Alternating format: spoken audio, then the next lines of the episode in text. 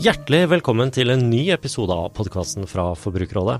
Nå kan du igjen lytte deg til å bli kanskje litt mindre lettlurt og klønete, og muligens en smule rikere. Du skal få høre om at hvis du har penger i banken, så er faren stor for at de er blitt brukt til å finansiere barnearbeid, miljøødeleggelser eller krigsmateriell. Nå blir det mulig for deg å avsløre hva din bank har gjort seg skyldig i.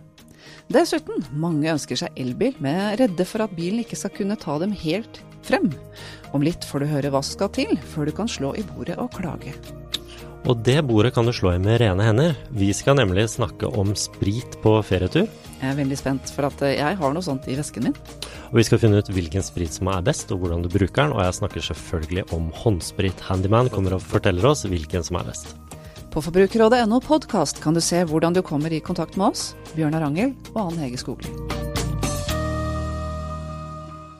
Kortreist er vanligvis et ord som brukes for å få frem noe positivt om noe som er til salgs. Men når det betyr at bilen din ikke klarer å kjøre deg helt dit du skal, så blir det mer negativt ladet.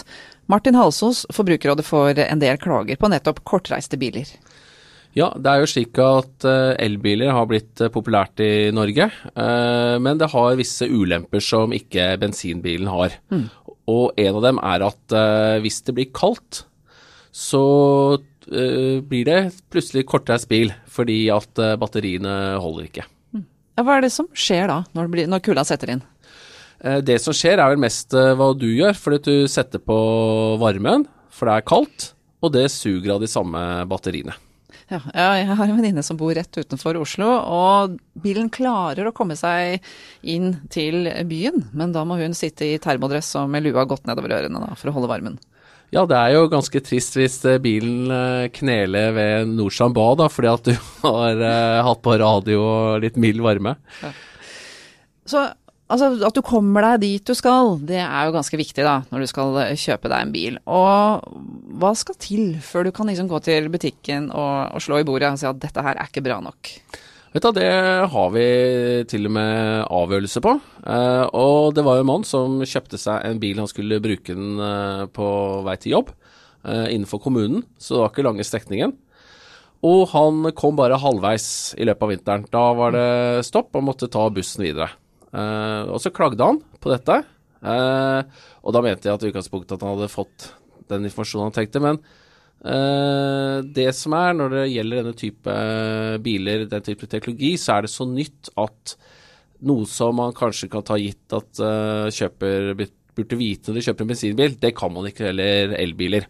Så her fikk han penger tilbake igjen, fordi at selger hadde ikke opplyst han nok om at bilen brukte mye mer elektrisitet på vinteren enn sommeren. Så det betyr at butikken har ansvaret for at jeg får det jeg trenger, da?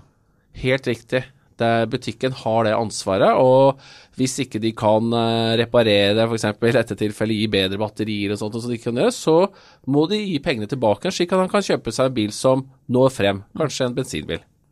Hvis noen nå sitter og vurderer om de skal kjøpe seg en uh, elbil, hvordan skal de sikre seg at de uh, ikke da lander opp halvveis? Ja, Selv om det er slik at selgere her har et ekstra ansvar for å fortelle deg at om bilen når frem til hytta eller ikke, så bør du kanskje på forhånd lese litt om hvor lang rekkevidde bilen har. Det blir jo bedre og bedre. Sjekk også kanskje om er det ladestasjoner på vei til hytta, hvis det er dit du skal bruke bilen. Eh, men ellers så skal du også få de opplysningene du trenger fra selger. Og Hvis ikke så kan det hende at du kan få penger tilbake, men folk vil jo gjerne beholde bilen. Mm. Så ta en grundig sjekk altså før du kjøper elbil. Og får du ikke det som du er blitt lovet, så går det altså an å klage til Forbrukerrådet. Tusen takk, Martin Halsås. Da har jeg gleden av å ønske Forbrukerrådets handyman Jogrim Aabakken velkommen inn i studio. Hei, hei, hei. Hei, hei, og i dag har du med deg en pose. Eh, hva er det du har oppi der, Jogrim? Oppi den posen så har jeg eh, det som vanligvis kalles håndsprit, håndsprit. av ulike typer. Hva henter med såpe og vann? Du, Bjørnar, såpe og vann det er kjempebra. Og det er eh, den vanligste måten selvfølgelig vi får hendene våre rene på. Men både du og jeg har jo vært på mange reiser. Og noen ganger så reiser vi også til land med veldig fremmede bakteriekulturer, og da er disse midlene kjempefine å ha med seg. Og jeg har jo personlig også vært borti mange eksempler i Norge hvor jeg har vært på tur og kommet til toaletter som mangler såpe osv. Så, videre. så en liten flaske med håndsprit er veldig kjekt å ha. Og Hva gjør denne håndspriten? Det den gjør, er at den tar rett og slett knekken på bakterier og virus som du har på hendene dine, slik at du slipper å få de inn i munnen og deretter ned i magen, hvor de kan gjøre ugagn. Ja, men i denne posen du har med deg, så ser jeg jo flere ulike varianter. Her har vi en eh, boks eh, med noe greier. Det er Det er servietter som, som, har den fordelen, i motsetning til de andre stoffene, eller de andre variantene, da, at du kan også fjerne fysisk møkk, synlig møkk fra hendene. Riktig. Og så har vi en liten flaske her. Det antar jeg er eh, gel? Det er en gelévariant som har den fordelen at den ikke drypper og søler så mye som en rent flytende variant. Og av den siste her så kan jeg lese at det er skum. Det er en eh, skumvariant som har en uh, tut på toppen som du trykker på, og da får du ut middelet i blanda luft, noe som gir da et skum i stedet, ja. og hvordan skal jeg bruke disse for å sikre at jeg får rene hender? Ja, det vi kan si er at hvis du har en flytende variant eller en gel-variant, så skal du bruke ca. 3 milliliter. Uh, Hva er 3 milliliter? Ja, Det, det tilsvarer ca. en vanlig teskje, faktisk. Og det, det, er nok mange som uh, har noe å lære der, for i hvert fall jeg brukte mye mindre enn det før jeg lærte dette. 3 milliliter. Du legger det i hendene. Du gnir hele, begge hendene, hele hendene godt inn med dette stoffet. Prøver å få med deg alle krinker og kroker, gjerne under neglene osv. Og, og dette holder du på med i 20-30 sekunder, eller til hendene har blitt tørre. Hvis de har blitt tørre før det har gått 20 sekunder, så har du brukt for lite av middelet. Da prøver jeg en teskje skum her, og kommer til det store spørsmålet hvilken type er best? Ja, det var bra du nevnte dette med skum, fordi det vår test viste, det var det at disse skumproduktene, for å få ut 3 milliliter, så holder det ikke med ett eller to pump, som det sto på mange av flaskene, men du trenger faktisk heller sju pump. Så det er nok også mange som, som har noe å lære av, ja. Syv pump, jeg nøyde meg med to og syns jeg fikk mye, men det var mest luft der da, kanskje? Det var nok det. Ja. Eh, men eh, betaler vi for den lufta? Er det noen prisforskjeller å snakke om? Det er kjempestore prisforskjeller på dette produktområdet. Eh, vi testa tolv produkter. Det rimeligste produktet kosta ti kroner og oppnådde kjempegode resultater. Et par av de dyreste produktene eh, kosta nesten 100 kroner, eh, og inneholdt ca. like mye som 10-kronersproduktet. Og det ene av de produktene oppnådde dårlige resultater. Men Jogrim, dette er jo håndsprit. Eh, er det noe farlig her? Ja, håndsprit, som navnet tilsier, inneholder jo da sprit, alkohol. Eh, i tillegg andre tilsetningsstoffer. Sånn at eh, både pga. brannfare og det at det ikke er sunt å eh, drikke disse tingene, tilsier at du må holde dem unna barn. I tillegg, hvis jeg kan få lov, så vil jeg nevne det at sprit jo har en uttørrende effekt på huden. Sånn at hvis du har spesielt sart hud, eller av ulike årsaker er nødt til å bruke disse midlene ofte, så vil jeg anbefale at du kjøper et middel som inneholder fukttilførende stoffer, og så mye som mulig av det.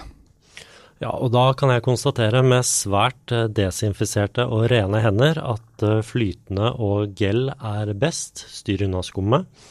Eh, kvalitet og pris henger nødvendigvis ikke sammen. Billigst kan fort vekk være best. Og ønsker du mer kunnskap om dette, så sjekk Forbrukerrådets guide. Tusen takk, Jogre.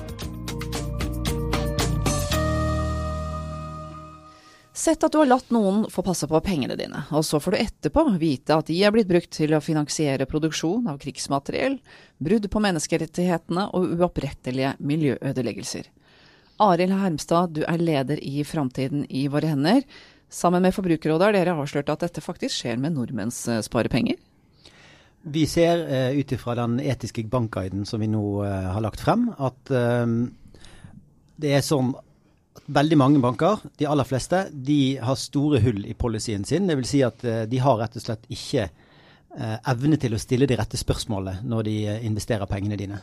og det betyr f.eks. at de, de lukker øynene for at du kan ha investert i et selskap som er kjent for å bruke tvungen overtid. altså Mennesker må jobbe 72 timer i uken. Barnearbeid kan forekomme. Eh, de vet òg at noen kan være involvert i våpenindustrien, eh, muligens klasevåpen, uten at de har øyne øynene åpne og uten at de gjør gode vurderinger på forhånd.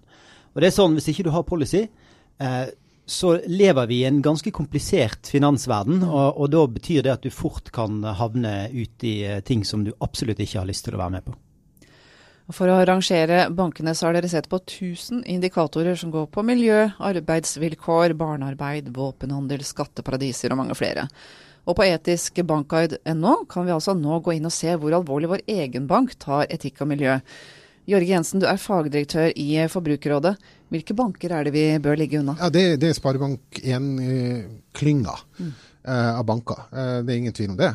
Eh, de har, de har veldig få policyer som ligger, og noen av de som er der, har vi ikke engang kunnet gitt poeng på. Men samtidig så er det jo noen banker som er gode på noe, og ikke gode på andre ting. Altså Du har SR Bank som har ganske bra på våpen, og hvis man er spesielt opptatt av våpen, da, at pengene ikke skal gå til klasebommer, så kan man jo velge den banken fremfor de andre Sparebank1-bankene. Eh, vi håper at denne etiskbankguide.no, at alle sammen går inn der og ser, for det er et veldig kult verktøy. Det er en av de få gangene du greier å kunne sammenligne hva finansinstitusjoner gjør på etikk og bærekraft. Det har vi mangla. Og vi vet jo at folk er engasjert i det. Eh, og nå har du fått et verktøy til å kunne se på det, og da velger du den banken som du syns er best. Og den som er best, jo, er jo Kultura, og så kommer Storebrand som nummer to, og så er det KLP som nummer tre. Det er de snilleste bankene, altså. Og Arild, hva helt konkret er det vi risikerer at uh, pengene våre blir uh, brukt til? Når vi snakker om miljøødeleggelser eller uh, arbeidsforhold som ikke holder en god policy? Det mest konkrete som veldig mange av de bankene her som er nevnt, er involvert i, er jo et, en oljerørledning som planlegges i USA hvor det er det største urfolksopprøret på 100 år. og i tillegg så er det altså en, en infrastruktur som satser på olje og gass, som skal, skal bli værende der i 50 år, og som i seg sjøl vil være et stort klimaproblem. Og dette, eh, Der er jo DNB, som Norges største bank, er jo på en måte en slags versting her. For de, eh, de eier jo ikke bare selskaper som investerer i dette, men de har også gitt direkte prosjektfinansiering på, eh, til denne, dette, oljerør, eh, dette, oljerøret som, som, skal gå gjennom et stort område i USA.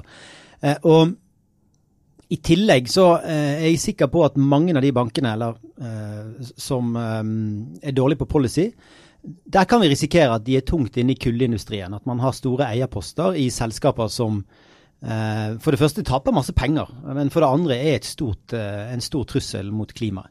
Så, så, jeg mener at der må bankene skjerpe seg. Og så alle de som investerer i Norge, de må gjøre seg opp en mening som bank eh, om de ønsker å finansiere oljenæringen i 30-40-50 år. Altså om de ønsker å være avhengig av at vi har en eh, oljesektor som, som, skal eksistere kjempelenge. Og det, det er en klimarisiko knyttet til det. Og så er det en stor økonomisk risiko hvis bankene ikke har gode policyer og ikke gjør gode vurderinger på om dette her er noe de vil være med på. Pengene det er snakk om, det er jo de vi setter inn i banken når vi har noen til overs. Og Jorge, vi vil jo helst at eh, de pengene skal kaste litt av seg, men er det mindre lønnsomt å velge de snille bankene? I teorien er jo at i det lange løp eh, så lønner det seg å velge bærekraftige banker. Eh, det er en, det som man kan kalle en spuriøs effekt. fordi det som vi har sett er at Banker som har veldig stram bærekraft og etikkpolicy, de har også en sterk ledelse. Eh, du er nødt til å ha det for å, for å få det. Og, og, når du har en sterk ledelse, så vil også lønnsomheten være. Så her er sånn at det kommer nesten som et spin-off.